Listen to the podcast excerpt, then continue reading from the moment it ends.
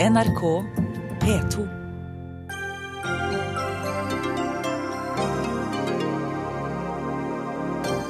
Alle mot alle da Stortinget debatterte Syria-flyktningene i dag.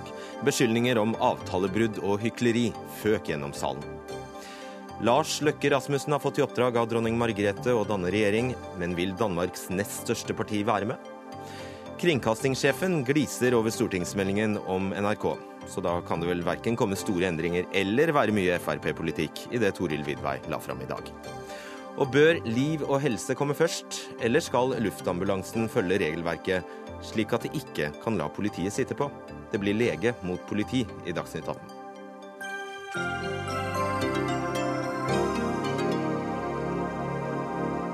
Som er den siste utgaven denne uka, og som ledes av Fredrik Solvang. Ja, Det var alle mot alle da Stortinget debatterte Syria-flyktningene i dag. Frp beskyldte Høyre for å undergrave regjeringens politikk i vaffelmøter syriske, om syriske flyktninger. SV angrep Arbeiderpartiet, Senterpartiet, KrF, Venstre og også Miljøpartiet De Grønne for å ha skuslet bort flertallet. Og da svarte De Grønne med å anklage SV for hykleri. Det ble et realt basketak da Stortinget i dag debatterte flyktningene, og vi skal høre et lite utdrag. Mange er skuffet over Høyre i denne saken. Det er jeg også. Mange Høyre-velgere er skuffet over Høyre i denne saken. Det forstår jeg godt. Og ikke minst er jeg skuffet over representanten Helleland, som inviterer regjeringens hovedmotstander på vaffel og kaffe for å diskutere hvordan man kan undergrave regjeringens egen politikk. President, Jeg kan forsikre representanten Tybring-Gjedde om at representanten Helleland vil følge opp statsministeren, regjeringssjefens appeller om å finne breie politiske forlik i Stortinget. I år fremma vi forslag om 10 000 flere over to år, og Arbeiderpartiet var for, og det var et flertall for dette. Allikevel velger altså Arbeiderpartiet vekk det flertallet for sin egen politikk. SV har valgt å stå utenfor avtalen. Jeg opplever ikke at det bidro til å endre resultatet.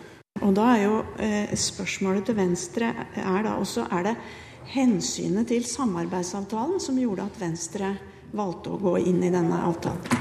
Det som er viktig, er at det er en helhetlig avtale. Det eneste som undrer meg litt, er at eh, SV jo også satt inne i disse forhandlingene helt til nesten siste slutt. Eh, hvor det vel ikke kan være noe særlig tvil om at forutsetningene var nettopp det som er blitt resultatet. Nemlig at man skulle forsøke å få med seg regjeringspartiene på en avtale. Kristian Tybring-Gjedde, stortingsrepresentant for Fremskrittspartiet. Det var jo, som vi hører her, alle mot alle i Stortinget, men det ble alle mot én, gitt, da de skulle stemme over eh, folkeavstemningsforslaget ditt. Ja, det, ikke, det, var ikke forslaget mitt, da. Det var forslaget til Fremskrittspartiet. Det syns vi var synd, for vi mener at uh, avtalen som uh, flertallspartiene nå har inngått, nemlig å ta imot 8000 flyktninger fra Syria, eller 13 600 når det gjelder med å ta med familiegjenforening, er såpass dramatisk at folket burde få si sin mening om det. Uh, så kan man ha ulike innfallsvinkler og hvorvidt man er tilhenger av folkeavstemning eller ei. Det aksepterer jeg for så vidt. Men jeg syns denne saken er i hvert fall mye viktigere enn OL i Oslo, når vi hadde folkeavstemning. Så det finnes en annen rekke saker hvor folkeavstemning er blitt akseptert, også av de som nå mener det ikke var relevant. Karin Andersen, stortingsrepresentant for SV, vi hørte deg her. Var det noen du ikke kritiserte i dag, egentlig? Altså, poenget nå er at vi snakker om den største flyktningkatastrofen vi har sett i vår levetid, alle vi som sitter rundt bordet her. Og da er det jo spørsmål om hva rike Norge skal kunne gjøre med det. Og der var det et flertall på Stortinget både for å hjelpe mye mer i nærområdene og for å ta imot 10 000 flere, slik som de organisasjonene hadde bedt oss om. Eh, og da er det grunn til å kritisere at man ikke bruker det flertallet. Og at man til og med tar penger fra bistandsbudsjettet for å øke nødhjelpa i nærområdene. Det er det grunn til å kritisere, og det har vi gjort i dag. Eh, de som har forhandla fram en avtale, har bedra det litt. Men det er òg store usikkerheter rundt avtalen, fordi den skal gjennomgås på nytt eh, etter ett år. Og da veit vi at vi har i regjeringa sitter Høyre som egentlig ikke ville. Og så sitter Fremskrittspartiet som til og med klarer å foreslå folkeavstemning mot sin egen eh, for å si sånn, eh, den regjering de sjøl sitter i. Og det betyr jo at dette er ikke i trygge hender på noen som helst slags måte. Og så hørte vi her i kuttet at du spurte, stilte et retorisk spørsmål til Venstre om det var pga. budsjettforliket eller samarbeidsavtalen at de ikke stemte for 10 000 på to år. Og det spørsmålet kunne like gjerne vært stilt til deg, Knut Arild Hareide, leder i KrF. Var det fordi dere er bundet av et budsjettforlik at du ikke gikk inn for det du faktisk mente? Hovedbegrunnelsen for at vi ønsket et bredt forlik, var at vi ønsket et realistisk vedtak som vi kan få gjennomført. Det er langt enklere og bedre når vi har eh, Høyre med. Det er regjeringa som skal gjennomføre denne politikken. I dag fikk vi uh, tydelige og, føringer fra regjeringa. Fra hvilket parti kommer disse statsrådene som nå skal gjennomføre dette? Det er Fremskrittspartiet. Og, uh, og er, er de så, med? Og det er jo sånn at Eh, finansminister Siv Jensen, som er leder for Fremskrittspartiet, fikk jo i dag flere ganger utfordringen vil hun følge opp disse vedtakene. Hun svarte veldig tydelig. De vedtakene som Stortinget har gjort, de kommer til å bli fulgt opp. Men det var altså statsminister Erna Solberg som inviterte Stortinget. Og det var altså åtte parti som var enige om å sette seg ned. Vi hadde gode drøftelser. Så var det to parti som valgte å ikke være med til slutt, og det må vi ha respekt for. Men det er veldig bra at vi har et så bredt forlik. Eh, og fordi vi har fått til en betydelig satsing både i nærområdene og med at vi tar imot i Norge. Jeg har lyst til å forklare det siste poenget. Hvorfor er vi nødt til å gjøre begge deler? For det er en del mennesker som ikke får den sikkerheten i nærområdene. Vi vet at det er en del eh, som av ulike grunner ikke har beskyttelse i nærområdet. Derfor er det òg viktig, og derfor ber òg FN oss om å gjøre begge deler. Og det er det vi har lykkes med. Og da er det en del fattige i Afrika som ikke får penger. Ja, og det er ille. Men det Hareide sier nå til slutt, nemlig at vi må hjelpe folk der, og at noen må ut av disse flyktningleirene fordi det mangler totalt sikkerhet der, f.eks. For, for homofile, for politisk forfulgte, for en del kvinner. Det er helt riktig, og det er grunnen til at noen må ut av disse områdene. Men når det blir argumentert med at her trenger man et veldig bredt flertall, og det flertallet da inkluderer Høyre, som egentlig ikke ville, og Fremskrittspartiet som til og med fremmer forslag om folkeavstemning mot dette her.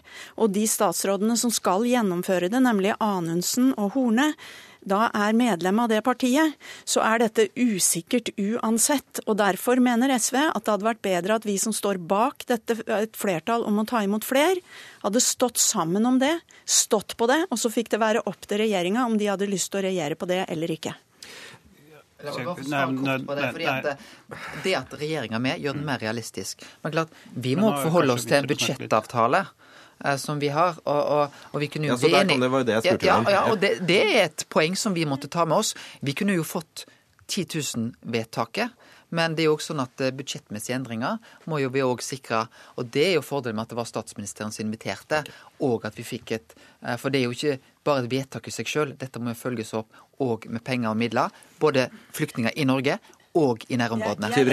Nå er det Tybring-Gjedde. Det er det er greit at jeg får si noe. For det første så syns jeg det er underlig at man er så redd for å be folk om råd. Det syns jeg nesten er eh, Kanskje man ikke skal gjøre det hvert fjerde år heller, men at man ikke tør å be folk om råd i en så viktig sak, det syns jeg er ganske spesielt. Og om det er 10 000 på to år eller tre år eller 8000 på fire år eller to år, det er like uansvarlig likevel. Konsekvensen av det er at det er en enorm en enorm utgift for den norske stat og den norske velferden. Og vi, Gjennom SSBs estimater så er det 7000 per syrisk flyktning. og Ganger du det i et livstidsperspektiv, så snakker man om 95 milliarder kroner for å få 13 600 flyktninger til Norge. Det er det ikke verdt. 13, over 95 milliarder kroner så kunne man hjulpet alle 60 millioner flyktninger i, i, i verden for den samme summen. Men det forslaget kommer ikke. Men så hvor det fra deg, da. Nettopp. Og det, er Derfor sier vi 1 milliard kroner. 1 milliard kroner, og skulle, For meg så kunne den godt vært trukket ut for andre steder på statsbudsjettet, og det argumenterte jeg også for. Men det ble faktisk at vi måtte omdisputere på bistandsbudsjettet. Men den milliarden kan hjelpe 1 million mennesker, og det er det FN har spurt om. Dette jo, kom jo nå fordi Fremskrittspartiet forsøker å finne en eller annen utvei ut av dette. Hadde Fremskrittspartiet ment dette før, så hadde de selvfølgelig lagt det, disse pengene på bordet, og de skulle fått støtte fra SV Ja, til, å bruke, til å bruke eh, mer penger i nærområdene, for det er nødvendig. Ja. Men til folkeavstemning. Altså, det går rett og slett ikke an å ha folkeavstemning over om man skal hjelpe folk i den største katastrofen menneskeskapte katastrofen vi har sett til nå. Rett og slett, jeg kan si det sånn at Hvis Tybring-Gjedde kommer i den type nød, så skal ikke jeg sette meg ned med kalkulatoren talt, og, ringe, og, og regne på det. Jeg Nei, skal Karin Andersen, du hører ikke hva vi sier. Vi sier- Vi skal ikke om folk er i nød. Vi sier folkeavstemning om å ta folk til Norge. Vi ville bruke en milliard. Vi, vi er nødt til å ta folk ut av disse områdene fordi de er i total usikkerhet der. Noen Nei, av dem det er ikke riktig. Det er helt Det er ikke det vi har fått. Flyktninghjelpen Det- har sagt til oss at de trenger penger i nærområdet. De Det er det beste beste vi kan gjøre. De trenger begge deler. De, vi må ta folk ut av disse okay. områdene. Det er kaotisk der, og noen er helt uten sikkerhet. Et konkret spørsmål til deg, Hareide. Eh, forskjellen her er jo faktisk på hele 3333 syriske eh, flyktninger. Altså eh, de 10 000 på to år som var utgangspunktet mot det resultatet ble. Har du noe du vil si til dem som ikke får komme til Norge, de 3333? Jeg hadde gjerne ønsket enda flere, men jeg er glad for at vi har fått et bredt forlik som gjør at det blir realistisk, at vi får gjennomført eh, dette. Og det er jo et lite paradoks når en ber om folkeavstemning. Jeg er helt enig i det Karin Andersen sier, dette er ikke et egnet spørsmål for folkeavstemning. Og det var heller ingen nasjonal folkeavstemning om OL. Det var vel kun i Oslo kommune eh, det var. Men paradokset er at dette året her så har vi en avtale med Fremskrittspartiet at vi skulle ta imot 1500 syriske flyktninger. Nå tar vi imot 2000.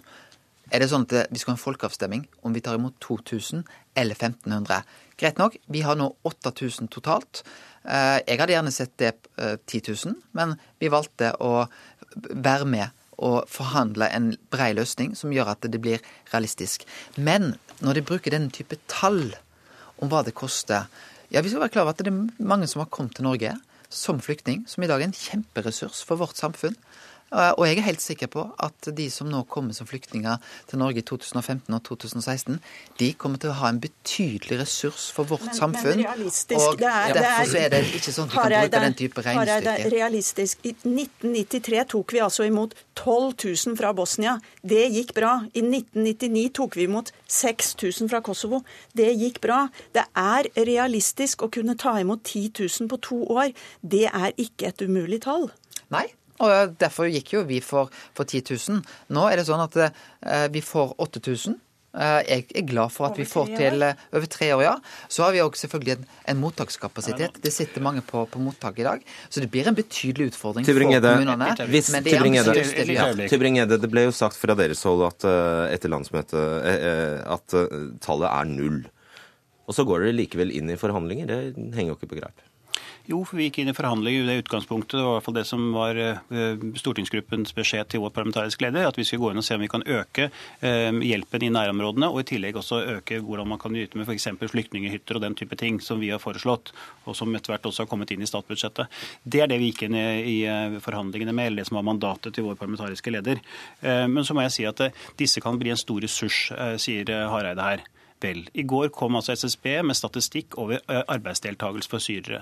De ligger nederst på statistikken av 136 land. Kun 26 av den voksne befolkning er i jobb. Og det er 70% for den gjennomsnittlige ø, nordmann eller de som er uten innvandrerbakgrunn i Norge. Det, og det er ikke noe som skjedde i går. Dette er over tid, og det har falt nedover den statistikken. Vi kan selvfølgelig håpe at det skal gå voldsomt opp, men uansett så vil kostnaden på velferden i Norge være enorm. Og disse som sitter til meg venstre side, de øker jo stadig velferdsytelsene. Det er stadig nye ting som skal gjøres. Det er stadig nye sånn. Men de sier ikke hvor disse 95 milliarder kronene skal tas fra, for de kommer ikke med et eneste kuttforslag. Vi kan gjøre sånn som vi gjorde når bosnierne kom. Da var også Fremskrittspartiet mot. Fremskrittspartiet var mot når Kosovo, vi tok imot fra Kosovo. Det vi gjorde da, var at vi inviterte til et samarbeid med frivillig sektor. Det gikk bra, og statistikken viser at stort sett er folk i jobb og er veldig godt integrert. Men det er klart, hvis vi skal møte folk med, med folkeavstemning og motvilje, så går det dårlig. Så her handler det om punkt én å hjelpe på den største katastrofen som er, der noen må ut av disse områdene, og at vi tar imot på en måte som gjør at de lykkes. Det er en konkret ting som eh, vi hørte i, eh, i kuttet her også. eh, Rasmus Hansson pirker borti SV for. Det er jo rart at SV hopper av i all helt. I, I siste sving hopper SV av, og så skal dere kunne stå rett og ranke. Dere var jo med i praksis på tallet 8000 over tre år. Nei, det er ikke riktig. Vi har aldri vært med på det tallet. Men Dette vi var med, skjedde jo på mandag, og da kom tallet 8000 på tre år. Vi var med så lenge som vi håpte at vi kunne påvirke det til å ta imot flere, men ikke minst på det siste punktet vi har diskutert veldig lite nå, nemlig hvor skulle man ta penga fra. Snakker du helt det- sant nå?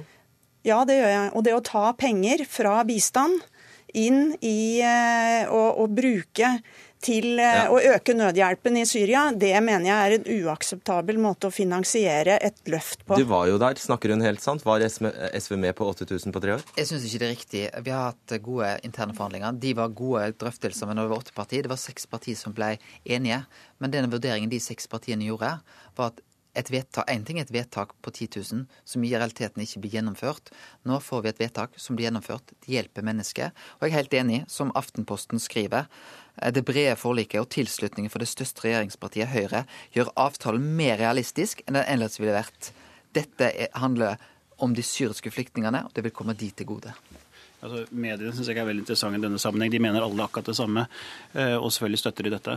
Eh, Det som er interessant å spørre, jeg skal gjerne søke Hareide et spørsmål hvis det er mulig. Eh, Dersom Høyre og Fremskrittspartiet hadde satt, sagt null forhandlinger, det er ikke aktuelt å ta imot eh, 10 000 flyktninger, ville Kristelig Folkeparti satt hardt mot hardt og satt inn Jonas Gahr Støre som regjeringssjef? Ja, det- Artig spørsmål. Det er et artig spørsmål, det er et hypotetisk spørsmål. Eh, Jeg vil jo si at for en regjering eh, å sette hardt mot hardt mot å hjelpe når vi ser at nøden, flyktningkatastrofen, er større enn noen gang etter andre, verdenskrig, det vil ikke passe seg. Det så Erna Solberg. Eh, Hun inviterte til et bredt forlik. Eh, Det kan godt være vi ville pressa gjennom et vedtak. Noe av utfordringen vår er at vi har en budsjettavtale som òg gjør at vi er nødt til å ha regjeringspartiene med på oss eh, for å løfte ting inn i budsjettet. Og dermed var det jo Karin Andersen faktisk også- gitt at KrF og Venstre aldri kunne gå inn for 10 000 på to år. Vi kunne gå inn for et vedtak rundt det, men vi ville fått noen utfordringer for, for den eh, økonomiske oppfølgingen i tråd med den budsjettavtalen vi har. Det er, nok, eh, det er nok riktig, men de utfordringene gjenstår å se. Både fordi Høyre i utgangspunktet var motvillig med, og fordi Fremskrittspartiet, som sitter på de postene som nå skal gjennomføre det, er mot. Og fordi man måtte runde på runde på runde i Stortinget i dag for å få finansminister og partileder i Fremskrittspartiet, Siv Jensen, til å gå opp og akseptere at man skulle gjennomføre det som Stortinget hadde vedtatt. Og dessuten så skal man gå nye runder til neste år. Og det kan jo hører jeg at Fremskrittspartiet har tenkt å bruke til å få dette ned, uavhengig av hvordan eh, krigen og nøden er i Men dette verden. som Karin Andersen sier her, er det beste argumentet for at nettopp Høyre Ja. burde være med på avtalen. Kort til slutt. Ja, altså, eh, situasjonen er Enten så vil man bruke 1 milliard og hjelpe en million, eller så vil man bruke 95 milliarder og hjelpe 13 600. Dere velger det siste. Vi syns det er usosialt. Vi syns det er bedre å hjelpe mange istedenfor å late som man er veldig snill med å ta folk hit. Det er best å hjelpe best mulig for de pengene vi Jeg kan love bruker. Tybring-Gjedde at vi kommer til å fremme gode forslag til budsjettet til høsten, der han vil få lov til å hjelpe enda flere i nærområdene. Takk skal dere ha.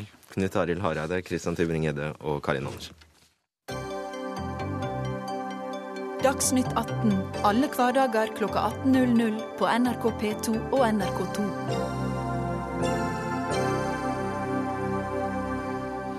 Danmark ble farget blått, og i dag måtte statsminister Helle Thorning-Schmidt ta veien til dronning Margrethe på Amalienborg for å gi beskjed om at regjeringen hennes går av. Og det har også i eh, ettermiddag kommet meldinger om at eh, Lars Løkke Rasmussen nå har fått i oppdrag av dronningen å danne ny regjering. Eh, Torning-Smith eh, trakk seg eh, også som leder for Sosialdemokratene etter ti år, og, selv om partiet, og det selv om partiet gjorde et godt valg og ble største parti. De blå partiene fikk 90 av 175 plasser i eh, Folketinget, og Venstres Løkke Rasmussen blir nå trolig Danmarks nye statsminister. Kjetil Widsvang, du er kommentator i Dagens Næringsliv og er med oss fra København. Vil Løkke Rasmussen lykkes? Det er vanskelig å si. Han eh, Landet får en regjering, men om han vil lykkes i å lage en regjering av flere partier enn bare sitt eget Venstre, det er foreløpig uklart. Hvorfor det?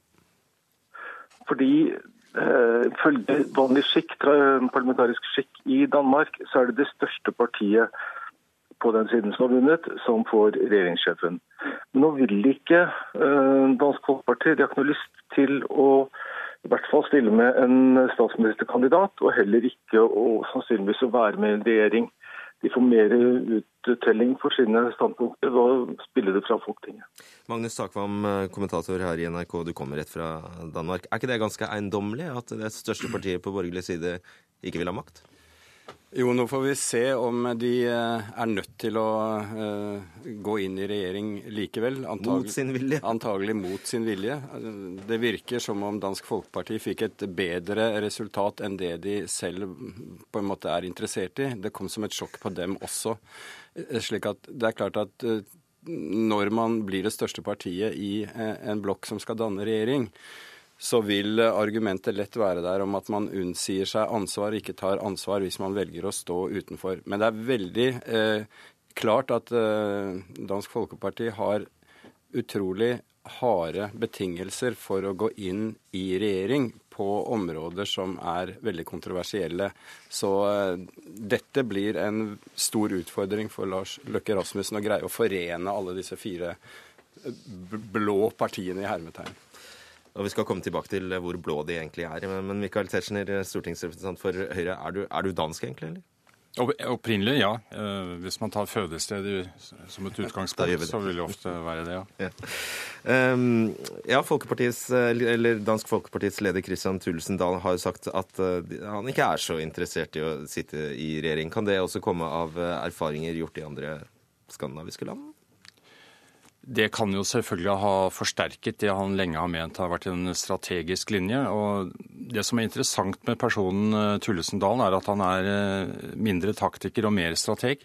Han har jobbet eh, for dette i, i, mange år, og nettopp også fordi han har fastholdt denne linjen. At han vil påvirke som systemkritisk parti mer ved å være på utsiden og støtte en da ikke-sosialistisk regjering. Så det vi egentlig ser nå, er den samme figuren, eh, samarbeidsstrukturen, som man har hatt eh, under Anders Fogh Rasmussen, og som også ble videreført i den korte statsministerperioden som eh, Lars Løkke fikk, før Helle Thorning-Smith overtok for fire år siden. Mm. Det som er viktig å være klar over her, er at velgergrunnlaget til Dansk Folkeparti er mye av forklaringen på den strategien han har lagt seg på. De har eh, ufaglærte. De har liksom det man kaller den kulturkonservative arbeiderklassen. Det er blitt et parti som har kjempestor oppslutning i Sønderjylland, i distriktene. Og velgere som ikke nødvendigvis liker eh, borgerlig politikk. Og Lars Løkke Rasmussen han er upopulær blant eh, Dansk Folkepartis velgere. Så for å beholde denne kombinasjonen av hard innvandringspolitikk, hard kriminalpolitikk, men myk sosial profil, så, så er det eh, krevende for dem å gå inn i regjering og disiplinere seg og, og på en måte eh, ikke kunne samarbeide til venstre med sosialdemokratene i, i, mange spørsmål. Og da, Widsvang, eh, da kommer spørsmålet. Hvor blå er egentlig Dansk Folkeparti? Det er en miks. Det er eh, blå etter vanlig skala når det gjelder innvandringspolitikk, og så er det vel mer sånn lilla den andre veien når det gjelder velferd og økonomisk politikk. Det har forandret seg en del siden den, den tendensen med Mogens Glistrup som sånn skattenekterparti. Nei, de vil velferden. Så sier de ikke helt hvor de skal få penga fra. Tetzschner, eh, det er jo kanskje lett for oss å trekke paralleller mellom eh, Dansk Folkeparti og vårt eget Fremskrittsparti, men hvor, eh, hvor, riktig, hvor riktig er det å sammenligne dem? Jeg, jeg syns det er helt naturlig at man gjør den sammenligningen, men hvis man gjør det, så må man også gjøre det med øh, visshet om de forskjellene som er mellom norsk og, dansk politikk. Og det er jeg helt enig med i, i det Takvam sa i sted, eh, nemlig denne øh, understrømmen av velgere som det danske sosialdemokratiske partiet har gitt fra seg til Dansk Folkeparti. De gjør også noe med det partiet. Og det betyr jo også at de er ganske eh, godt likt eh, på de fleste områdene. Det er jo ofte sånn at eh, systemkritiske partier har masse uvenner. Hvis vi ser bort fra det eh, som er innvandringsfeltet, hvor de har vært med på å flytte hele eh, det politiske spekter i Danmark, slik at de ikke står lenger eh, unna mainstream enn det Fremskrittspartiet gjør i Norge, så har de jo knapt uvenner, fordi de ikke er veldig ivrige etter å reformere velferdsstaten. De ønsker vekst i offentlig sektor. Og samtidig, Magnus eh, sa her også at uh, uh, Dansk Folkepartis velgere likte ikke Lars Løkke Rasmussen, men poenget er at eh, den nå avgåtte statsminister Helle Thorning-Smith har jo også problemer med å få tilbake hjelpepleiere, ufaglærte, fordi de ser eh, Helle Thorning-Smith som Helle Thorning som en som tilhører eliten, eliten, som er med i det europeiske jetsettet, og dermed har like stor avstand eh, til seg som, eh, som andre borgerlige partier. Og i Europa tas ikke dette like godt imot, Magnus? Nei, i hvert fall ikke i deler av Europa. Altså, jeg, jeg hørte på danske medier i formiddag der eh, man siterte uttalelser fra Tyskland særlig, som var, var kritiske til det faktum at disse blå partiene jo har på en måte gitt David Camerons linje i, internt i EU støtte om å reforhandle traktatene for å unngå det de kaller en sosial union, altså at arbeidsinnvandrere osv. får eh, velferdsgoder i de rikere EU-landene. Slik at eh, i Tyskland blir det lagt merke til. Eh, og eh, det er kanskje et av de aller viktigste, skal vi si, en av de viktigste endringene som skjer ved et regjeringsskifte. Widsvang, vil du si det er riktig, en riktig beskrivelse at eh, det er, eh, det er, de store, etablerte styringspartiene som får en smekk her, mens protestpartiene på en eller annen måte går fram? Ja, de har jo sunket Oppslutningen om de gamle, tradisjonelle maktpartiene har sunket med 10% eller noe sånt nå, ned mot uh, 55. Eh, på dette, i dette valget. Så striker de jo til høyre til venstre, men de ønsker, om, si, de ønsker ikke flere kutt og innstramninger. Det er vel det som er fellestrekket hos dem. Ja, men, ja, nettopp. Um, bare to ord om dette grønne alternativet, som bl.a. vil ha 30 timers uke og kun økologisk landbruk om noen år. De gjør det jo veldig bra og kommer inn med ni mandater. Hva kan de bidra til? Eh, de har jo fått litt sånn hippiestempel. De mener mye rart, mye forskjellig. Og uh, han ber eh, partilederen, når han får litt vanskelige spørsmål, så ber han om å få padle forbi dette her til neste gang. Men han kommer jo på Folketinget, og da må de bestemme seg. Det kommer litt an, veldig an på hvordan de oppfører seg, for alle er ganske usikre. Mm. Tetzschner, det er kanskje vanskelig for oss å forstå at det finnes en ganske sterk sentrum-periferiakse i bitte lille Danmark, men det gjør det? Ja, det har jeg selv vært nede og sett under valgkampen eh, til en av Venstres kandidater. Eh, bare halvannen times kjøring syd for København, i Maribo, så føler de at de er eh, utkant. Og det skyldes også at det store skipsverftet Nakskov ble nedlagt. og Dermed så, så var de i en bakevje, for da oppdager man også hva et så stor arbeidsplass har av ringvirkninger. Så de følte at de var i en bakevje, og det gjør man også visse steder på, på Jylland. Så det er jo en del av politikken da å, å levere troverdige løsninger som, som, gjør at folk ikke blir ansatt i det offentlige nødvendigvis, men at man får i gang ordinær, eh, ordinære arbeidsplasser.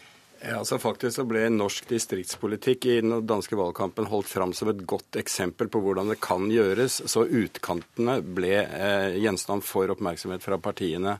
Og det er et trekk som vi har vært inne på, at f.eks. i en del bydeler i København og i de store byene, så er enhetslisten og venstrepartiene eh, de største partiene der. Sånn at du får en Enhetslisten som er tilsvarende det norske ja, rett. Ja. Så du får et veldig sånn eh, et delt Danmark, på en måte. Men det, eh, jeg syns jo et trekk, hvis man nå også tillater seg å dra inn det forrige valget, så, så, så, har det ikke skjedd veldig store dramatiske forskyvninger mellom blokkene. Men innad i blokkene så er de tradisjonelle partiene de er fravalgt. Og eh, akkurat som vi har diskutert eh, Dansk Folkepartis eh, vekst på borgerlig side, så kan man også merke seg at nå er altså partiet Rødt, tilsvarende enhetslisten, det nest største partiet på sosialistisk side. Og de to andre tidligere støttepartiene er halvert og blitt 5% partier. Og akkurat det tipper jeg at det er noen partier i Norge som merker seg. Takk skal dere ha, Magnus Takvam, Kjetil Widsvang og Michael Tetzschner.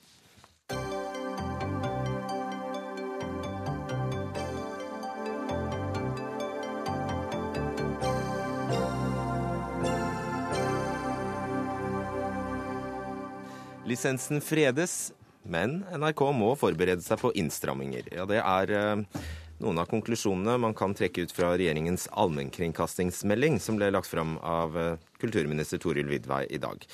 Regjeringen går heller ikke inn for å begrense NRKs innhold på nett, slik flere kritikere har tatt til orde for.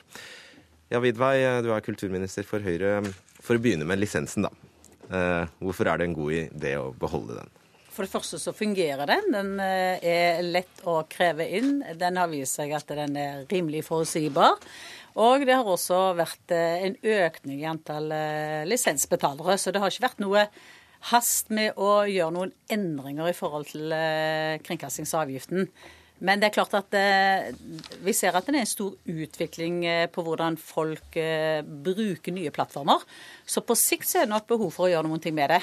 Eh, det er nye teknologier. Vi ser eh, Sist gang stortingsmeldingen om NRK ble behandla i Stortinget, så var det ikke iPhone oppfunnet. Eh, eller den var i hvert fall ikke kommet til Norge, er tatt i bruk. Sånn at utviklingen den går raskt. og Derfor så har regjeringen besluttet oss for at vi mener vi må sette ned et offentlig utvalg, et mediemangfoldsutvalg, som må se på hele mediemangfoldet i Norge.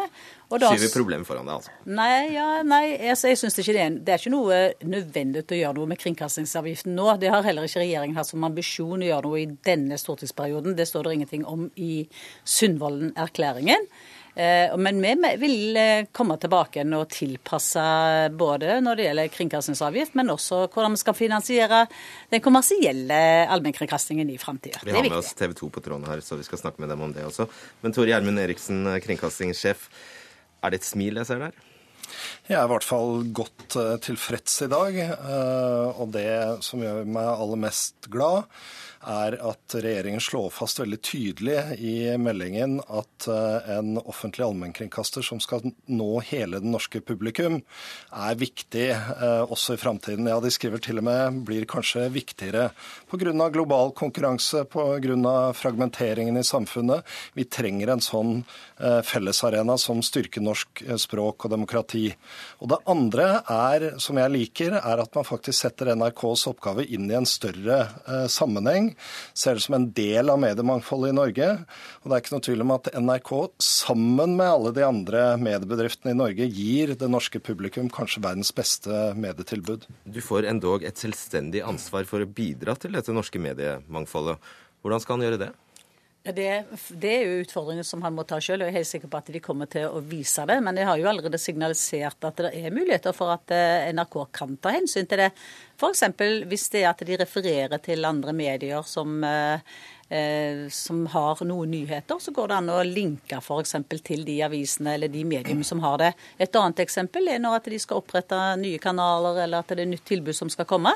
Så har de altså da et selvpålagt at de er nødt for å gå igjennom og se om dette er med på å styrke mediemangfoldet, eller om det faktisk er en, en, eh, en fare for at det kan true konkurrentene. Og da bør jo ikke du være noe bukk som eh, Nei, men altså, jeg, jeg, er opptatt av hele mediemangfoldet. Og, og den utfordringen skal vi ta. Og jeg tenker liksom langs tre akser, da. Det ene er at vi selvsagt må være bevisst når vi eh, lager nye, eh, nytt tilbud. Det er det en forhåndsgodkjenningsordning på. Vi, den skal fortsette, og vi må være bevisst. Det andre er at vi skal utvikle en hel rekke samarbeidsformer. Det har vi i dag. I morgen så har vi Norges største musikkshow sammen med VG, som er bygd opp gjennom 20-25 år. Vi kjøper masse rettigheter sammen med TV 2. Vi eh, har valgsamarbeid med lokalaviser nå.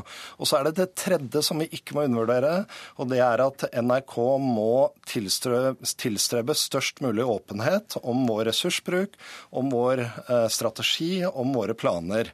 Eh, og Det har jeg satt på, og vi satt på dagsordenen for, for lenge siden. Et åpnere NRK. Det tror jeg også er et bidrag i den retning.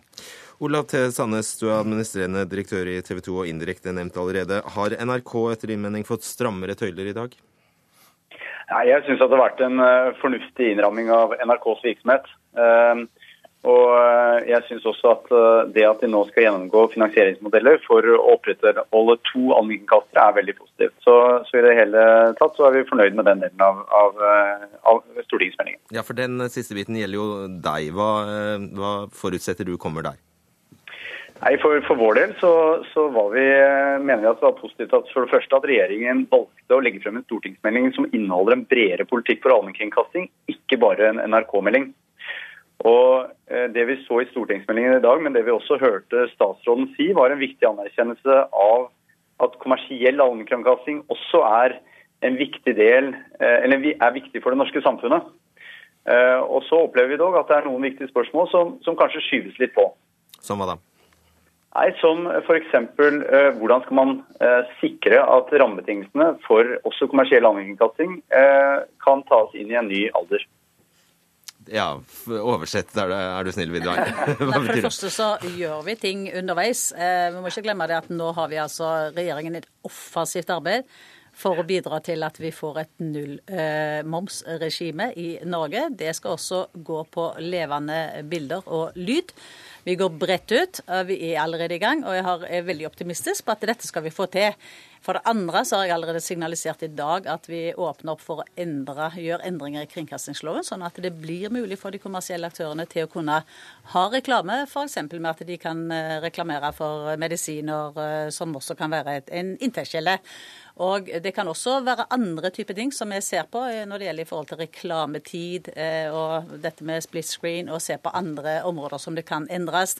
Men så er det det store bildet. Det er viktig for regjeringen at vi faktisk har et eh, mediemangfold i Norge.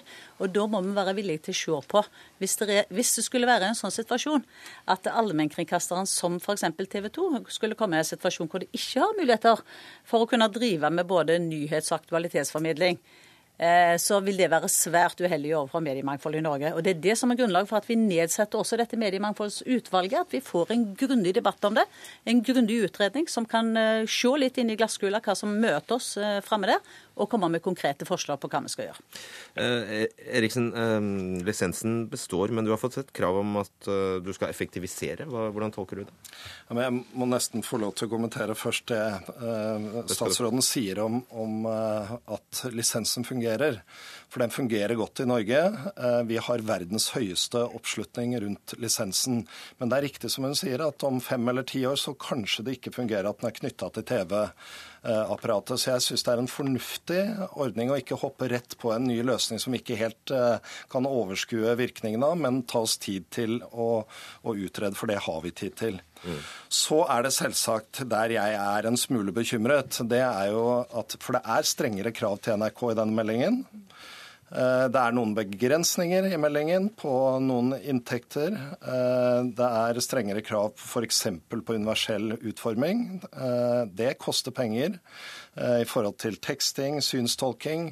De tingene mener jeg jo at NRK skal være verdens beste på. Det har noe med å samle folk. Men summen av nye krav og signalet om, eh, om, eh, litt strammere økonomi blir jo veldig krevende for oss. Så er det sånn at vi har selvsagt en utfordring, en forpliktelse til å drive effektivisering og bruke pengene våre best mulig. Og selvsagt så går både teknologiutvikling og andre ting på, sånn framover at vi også klarer, kommer til å klare å effektivisere framover. Men de pengene hadde jeg tenkt å bruke til høyere kvalitet på programmene. Vidar, bare avklar det. Når du sier at NRK må effektivisere, betyr det at du lar uh, lisensen stå stille, f.eks., som vi vet innebærer kutt? Altså Når det gjelder lisensen, så skal vi få rikslig anledning til å komme tilbake til det, hvilket nivå den skal ligge på. Men jeg minner bare om at eh, faktisk NRK har hatt en veldig stor økning i eh, sine inntekter i løpet av de siste ti årene.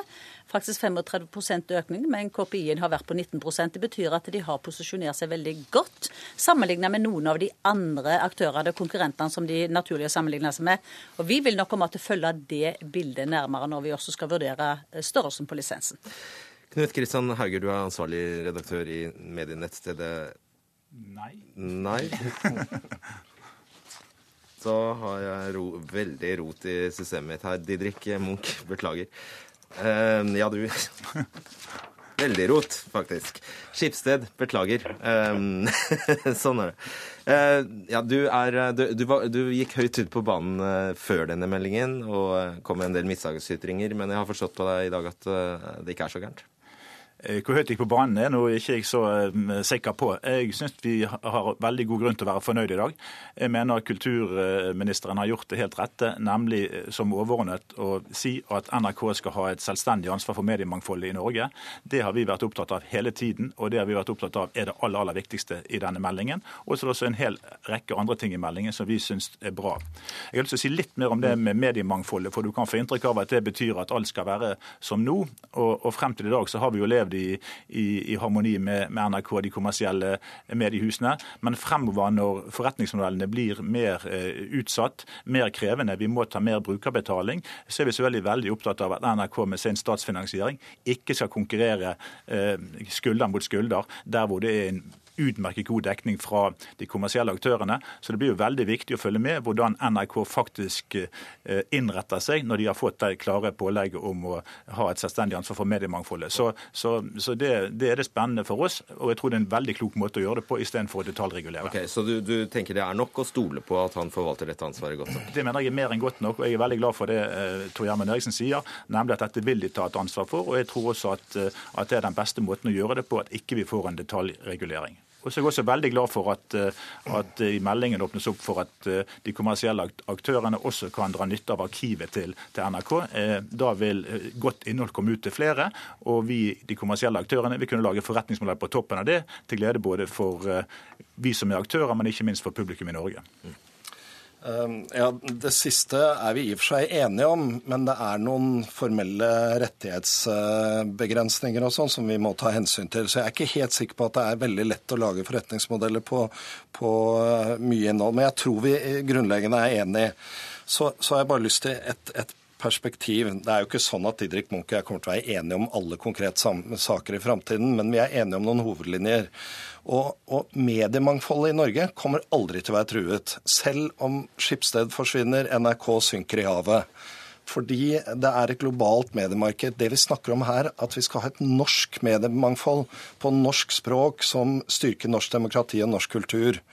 Eh, og det er jo det vi er opptatt av, og det er det vi skal ha en politikk for. Sandnes, jeg har bare lyst til å stille deg et veldig kort spørsmål for, uh, uh, til slutt. Altså, til journalisten NO så sier du at du skulle ønsket deg tydeligere signaler om hvordan staten kan bidra til å finansiere kommersiell allmennkringkasting, så du ber egentlig om penger. Er det? Uh, vi mener at, at, det må være en balanse mellom de forpliktelsene en kommersiell allmennkringkaster skal påta seg, og den kompensasjonen de får. Og, eh, og, Vi ønsker naturlig nok å videreføre det samfunnsoppdraget vi har. Og som jeg også setter veldig pris på at statsråden i denne meldingen eh, legger vekt på at er viktig. Og så ligger jobben foran oss med å finne ut av hvordan den kompensasjonen skal utformes. Absolutt, og jeg, jeg mener det at det ville vært en stor svekkelse for mediemangfoldet hvis vi ikke hadde både en selvstendig redaksjonell uavhengig eh, stab i Bergen, som det TV 2 har. Og jeg mener også at det er veldig viktig at vi har en konkurrent som det bl.a. TV 2 representerer i forhold til eh, nyhets- og aktualitetsformidling eh, sammenlignet med NRK. Vi ønsker jo ikke en situasjon hvor NRK skulle bli en monopolist igjen. Og så er det veldig viktig. I dag har vi kommet så langt som vi er. Det er klart at utviklingen går veldig raskt. og Jeg tror det er alle mediene som er operative i Norge i dag, og som eh, produserer norsk, eh, har norsk produksjon, de er opptatt av at dette kommer til å bli tøffe år framover. Det går raskt, teknologien går raskt, og eh, alle ønsker å bidra til et bredt, mediemangfold. Det stoler vi på. Takk skal dere Beklager det rotet der. Takk skal dere ha, Toril Vidvei, Tor Gjermund Eriksen og Didrik Munch og Olav T. Sandnes på telefonen. Vi skal holde oss ved samme tema, men uh, nå få inn uh, Knut Kristian Hauger. Der var du. Ansvarlig redaktør i medienettstedet Kampanje. Ja. Hvem uh, vil du si har størst grunn til å være fornøyd i dag? Nei, alle smilte jo fælt her eh, nå i stad, så det virka som alle var fornøyde. Og det kan jo ha sammenheng med at denne meldinga er ganske snill. Eh, den har ikke utlyst noe stort jordskjelv, og eh, ikke de store overskriftene heller. Så det betyr jo at alle har fått litt. Var det noe vits, da? Ja, Det kan man jo da stille spørsmålet om. Men så hvis man ser litt nærmere på, på det som faktisk har kommet frem, så, så, vil jeg jo si at det er jo noen som har grunn til å smile litt bredere enn en andre. Og en av dem er jo selvfølgelig NRK-sjef Tor Gjermund Eriksen. Denne meldinga har vi venta på nå i halvannet år, og det har vært knytta store forventninger til det. Eh, men vi ender opp med noe som ligner veldig på en assis, altså en kontinuitet, fornyelse av, av det allerede eksisterende. Og man har jo sett for seg at det kunne komme endringer både i finansieringsformen og begrensninger om hva NRK skal drive med og ikke drive med på nett. Og det gjør det altså ikke. Så dette er, er, dette noe de rød-grønne kunne ha lagt frem? Ja, jeg skrev i dag på kampanje at eh, denne meldinga kunne jo vært signert de rød-grønne nærmest uh, uten å blunke, så, så, man kan jo lure litt på hva som er det politiske prosjektet til, uh, til regjeringen. Jeg tror nok at denne meldinga ble såpass from har jo selvfølgelig sammenheng med at man er jo ikke helt på bølgelengde når det gjelder lisensen. Høyre har en regjeringspartner som vil avvikle den og også selge eller privatisere NRK. Og Det er klart det ble et tøft spørsmål å løse i denne meldinga. Eh, ser du noe spor av Frp-politikk i det hele tatt her? Nei, den er uh, i beste fall skrevet med meget svak gråblyant. Det dette er ikke mye Frp-politikk i. Og dette er noe hun får igjennom i Stortinget? Det kan i hvert fall virke sånn. Det blir sikkert en diskusjon, og mye skal opp og diskuteres. Det er utredninger, det er nye utvalg. Så det kan bli en, fortsatt en lang eh, diskusjon og debatt om NRKs rolle og allmennkringkastingen. Eh, så hører vi jo at NRKs konkurrenter har tonet ned kritikken, selv om de ikke helt går med på det. Ja, Skipsted eh, sier jo i dag at det er en god melding. Eh, det er jo litt overraskende når man da vet at de halvannet år har hamret løs på NRK. Og har jo, når man leser de innleggene som har kommet, eh, så har man jo fått inntrykk av at de ønsker at NRK skal avvikle hele nettavisprosjektet sitt. Og vi skjønner jo også at de er bekymret for, for de nye inntektskildene sine i form av betalt betalte saker på, på, på nettet. Og, og, man har jo ønsket virkelig at NRK skal innskrenkes eh, på det området. Men det har man jo ikke fått igjennom. Man har ikke fått gjennomslag for det. Så jeg ser ingen grunn til at Skipsted og, og ML, da, denne interesseorganisasjonen til de private mediebedriftene, skal ha noen spesiell grunn til å smile i dag. Og til slutt, Tror du denne stortingsmeldingen vil endre NRKs innhold? Nei, jeg tror ikke det. Det blir litt mer eh, norsk musikk, hørte jeg. Og når eh, Tor Emmen Eriksen, NRK-sjefen, trekker frem det som en av de store bekymringene, så, så, tyder dette på at dette er en god dag for han. Takk skal du ha, Knut Kristian Hauger. Hør Dagsnytt 18 når du vil. Radio NRK Radio.nrk.no.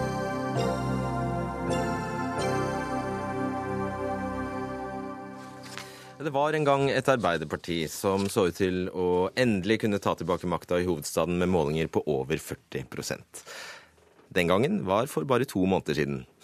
For i dag skriver Aftenposten bratt nedtur for Ap i ny Oslo-måling. I mars lå Raymond Johansen og Arbeiderpartiet nesten 12 prosentpoeng foran Høyre, men nå er Høyre Oslos største parti med en ledelse på drøyt 1 prosentpoeng. Hva har skjedd, Raymond Johansen? Ja, altså, Målingen går opp og ned, og jeg kommenterte en måling her eh, for 14 dager siden på 37% og nå skal jeg kommentere en på, på 32% altså, Det aller viktigste å si er at dette valget i Oslo kommer til å bli veldig jevnt, og jeg har aldri trodd noe annet enn det. Så uh, er det selvfølgelig alltid morsommere å kommentere bedre måling enn den som var i dag, men det er den eneste målinga som betyr noe, er den som er 14.9., så det skal vi jobbe hardt mot. Hva tror du er grunnen, byrådsleder Stian Berger Røsland? Jeg opplever jo at vi har fått uh, kommet godt i gang med valgkampen nå. Vi har begynt å snakke om våre hovedsaker, de viktige sakene. Hvordan vi skaper mer kunnskap i skolen, hvordan vi gjør Oslo til en grønnere og tryggere by, og hvordan vi skal få til uh, den fantastiske veksten vi nå har i Oslo, men at vi skal gjøre det uten eiendomsskatt. Og jeg opplever at uh, vi får god gehør hos de vi er ute og snakker med hver, hver, eneste dag og hver eneste helg, og valgkampen er i gang. Men jeg er enig med Raymond i én ting. Mm -hmm. Eller vi er enig i flere ting, men også i at dette blir et Eh, close valg. Jeg tror alle stemmer kommer til å telle. Dette blir et mobiliseringsvalg. Eh, og jeg tror det kommer til å være jevnt helt frem til valgdagen. Ja, så registrerer vi jo bare at denne tilbakegangen eh, i Oslo skjer jo samtidig med tilbakegangen nasjonalt, så det kan vel kanskje ha Ja, og i Trondheim og andre steder har det vært det. Det er først og fremst nasjonale spørsmål som har vært på, på dagsorden. Så det gjelder å stå på hele veien, og valget nå dreier seg om å gjøre Oslo til en grønnere og inkluderende by, hvor det er plass til alle. og Det kommer jeg til å fokusere mye på i tida framover. Er det da momsfritak på elsykler som skal trekke velgere til Arbeiderpartiet? Det er i hvert fall sånn at Oslo vokser med Molde by hvert annet år, og hurtigst voksende hovedstaden i Europa. Og vi står overfor kjempestore utfordringer. For det vi vet jo samtidig, hvis vi skal nå klimamålene våre, så må hele denne veksten tas med kollektiv gang og sykkel. Og kollektivnettet er allerede nå så skvisa, ikke minst trikken, så er vi avhengig av å få voldsom fart på eh, sykkelveiutbyggingen. Og også eh, det å få enda flere til å bruke sykkel, og også elsykkel. Og eh, vi står jo for en ekstraordinær situasjon nå. Mange av tunnelene i Oslo skal rehabiliteres, nytt lys, og mange vil bli stengt i månedene framover. Så vi har momsfritak på elbil og på elmoped, og da går det an å tenke seg også at vi kan ha det på elsykkel. Dette høres jo ganske fornuftig ut. Ja, for det, det Raymond ikke tok med, var at han ville jo at det skulle være eh, momsfritak i Oslo og Akershus. Eh, og, og, jeg tenker at dette er, er, er, dette er et foreløpig høydepunkt på, på, listen over valgkampens uh, litt pussige utspill. Og jeg, jeg, kommer sikkert til å ha et par på den, jeg også, altså, når, vi er, når vi er ferdig. Men, men, det er klart at det, det, går jo ikke an å ha el, momsfritak i Oslo og Akershus. For det, enten har du moms på en vare eller tjeneste, eller så har du det ikke. Og det har jo aldri vært Arbeiderpartiets politikk eh, nasjonalt eh, å gå inn for eh, momsfritak på elsykler. Men du kjører jo, vel ikke fra Alta til Oslo for å kjøpe deg elsykkel? Nei, men du kan kjøre fra Tønsberg til Oslo, eventuelt sykle. Men det andre litt pussige med det er jo at man da skal ha en situasjon hvor det er moms på sykkel, men ikke på elsykkel. Uh, og det er jo også i utgangspunktet. Så dette er, dette er rart på to nivåer. Men, men oss, jeg har overhodet ikke gifta meg med en, eh, en, type modell her. Det kan være en Enova-modell, akkurat som du skifter ut eh, oljefyren. Da får du også et tilskudd. Det å kunne få et tilskudd, om det er sånn at du må ha et momsfritak for alle elsykler for å få fart på elsykkel, så ville det vært bra. Husk på det. og Det som er grunnleggende feil med det Stian sier, det høres ut som elsykler konkurrerer mot sykkel. Elsykkel som framkomstmiddel konkurrerer mot bil. Og vi vet at f.eks. i en bydel i Oslo som heter Alna, så er sykkelandelen nede på 1% fordi Oslo er ganske bratt oppover. Og det vil kunne være noe enda flere uh, bruker elsykkel, være et veldig viktig bidrag. Det kan vel også, også være fordi det er livsfarlig å sykle i Oslo? Nettopp. Og det er jo noe av det vi virkelig vil ta fatt i, er å bygge ut uh, sykkelveinettet. For Oslo har langt igjen for å kunne kalle seg en, en sykkelby. Så uh, der er det veldig mye å gjøre. og de, Byrådet har klart å bygge fem meter sykkelvei om dagen. Og har gitt opp håpet om å få en uh, hovedsykkelveinett. Og der vil vi satse friskt og bruke helt andre, et helt annet tempo enn det byrådet har nå.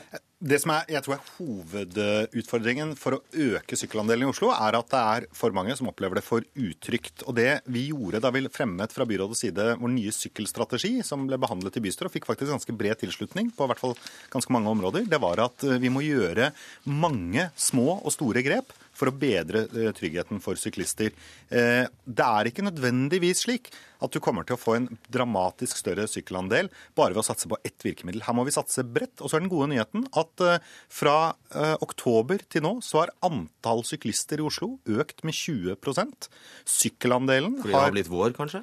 Nei, dette var gjennom vinteren, da. Eh, altså i vintermånedene. Og det er nesten enda mer interessant. Så det blir faktisk spennende å se hvordan det går nå med, med, våren. Så jeg mener at vi faktisk er på ganske god vei her. Men eh, vi har fortsatt et stykke å gå. Og jeg er sikker på at vi, vi skal komme, komme ganske mye lenger. Nå har de sittet i sammenhengene i 18 år og lovt og lovt og lovt, og det bygges ikke i det hele tatt. Og dette er noe vi må løse hvis vi skal greie å takle de store utfordringene som denne veksten i Oslo Og alle bør sykle. Det er alle enige om.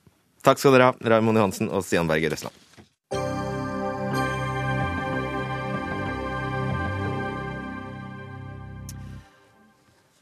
I forbindelse med trippeldrapet på Valdresekspressen i Årdal spurte politiet om hjelp fra luftambulansen for å frakte politifolk til stedet, men det ble avslått pga. Av regelverket.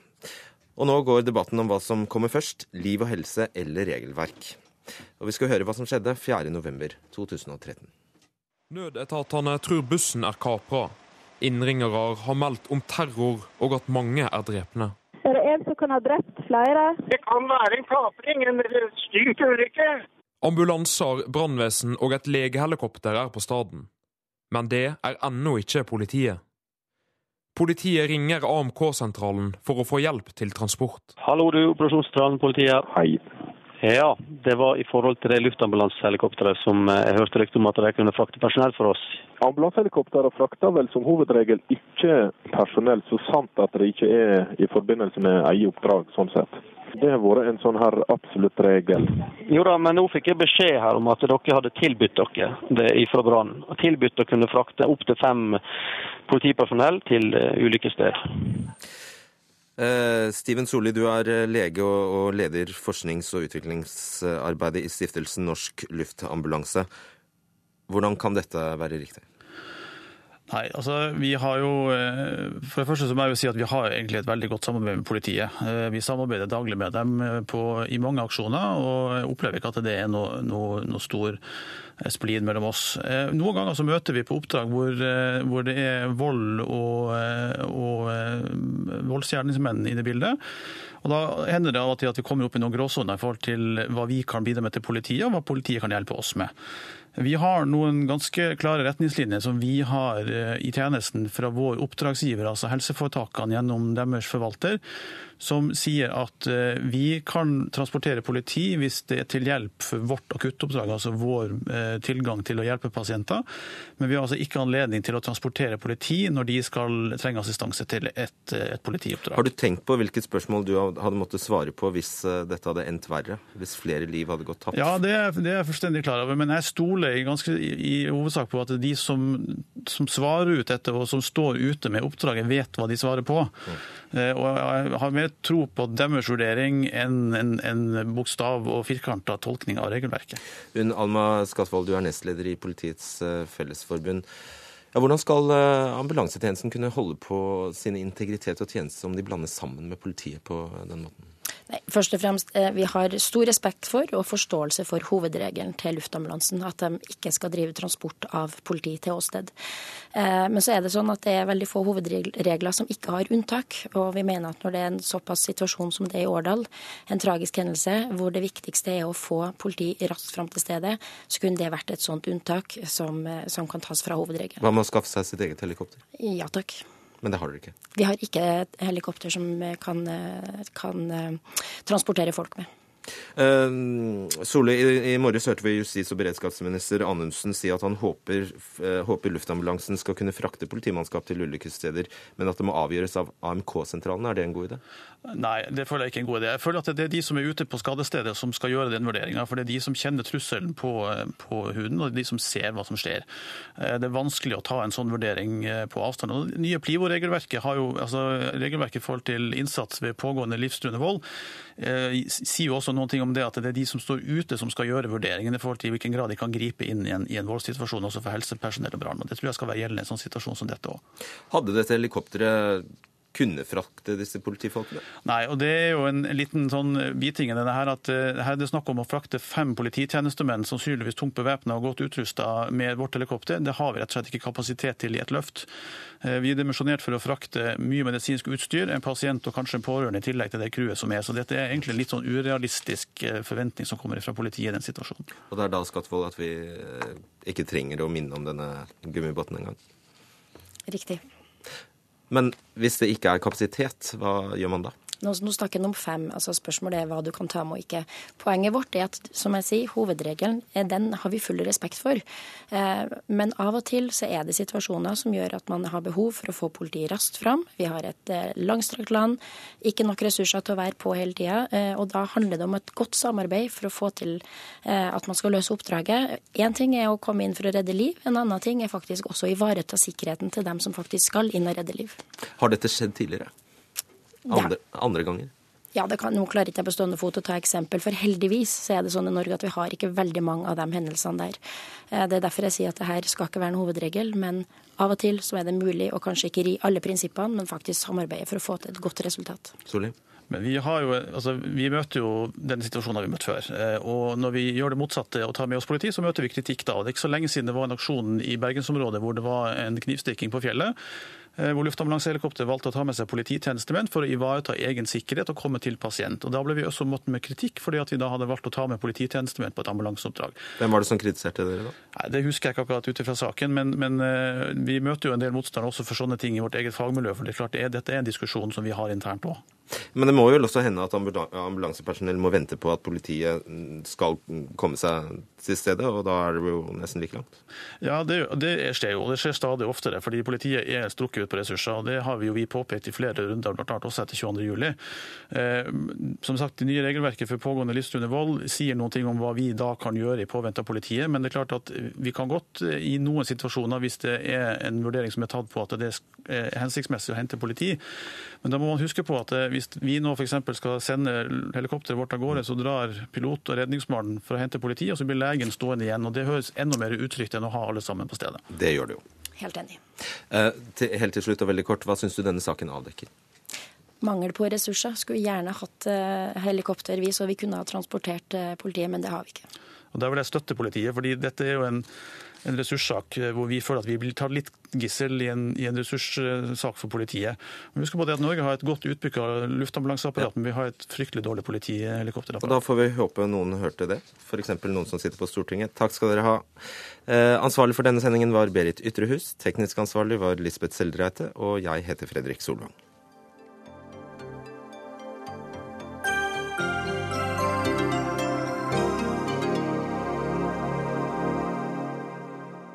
Hør flere podkaster på nrk.no podkast.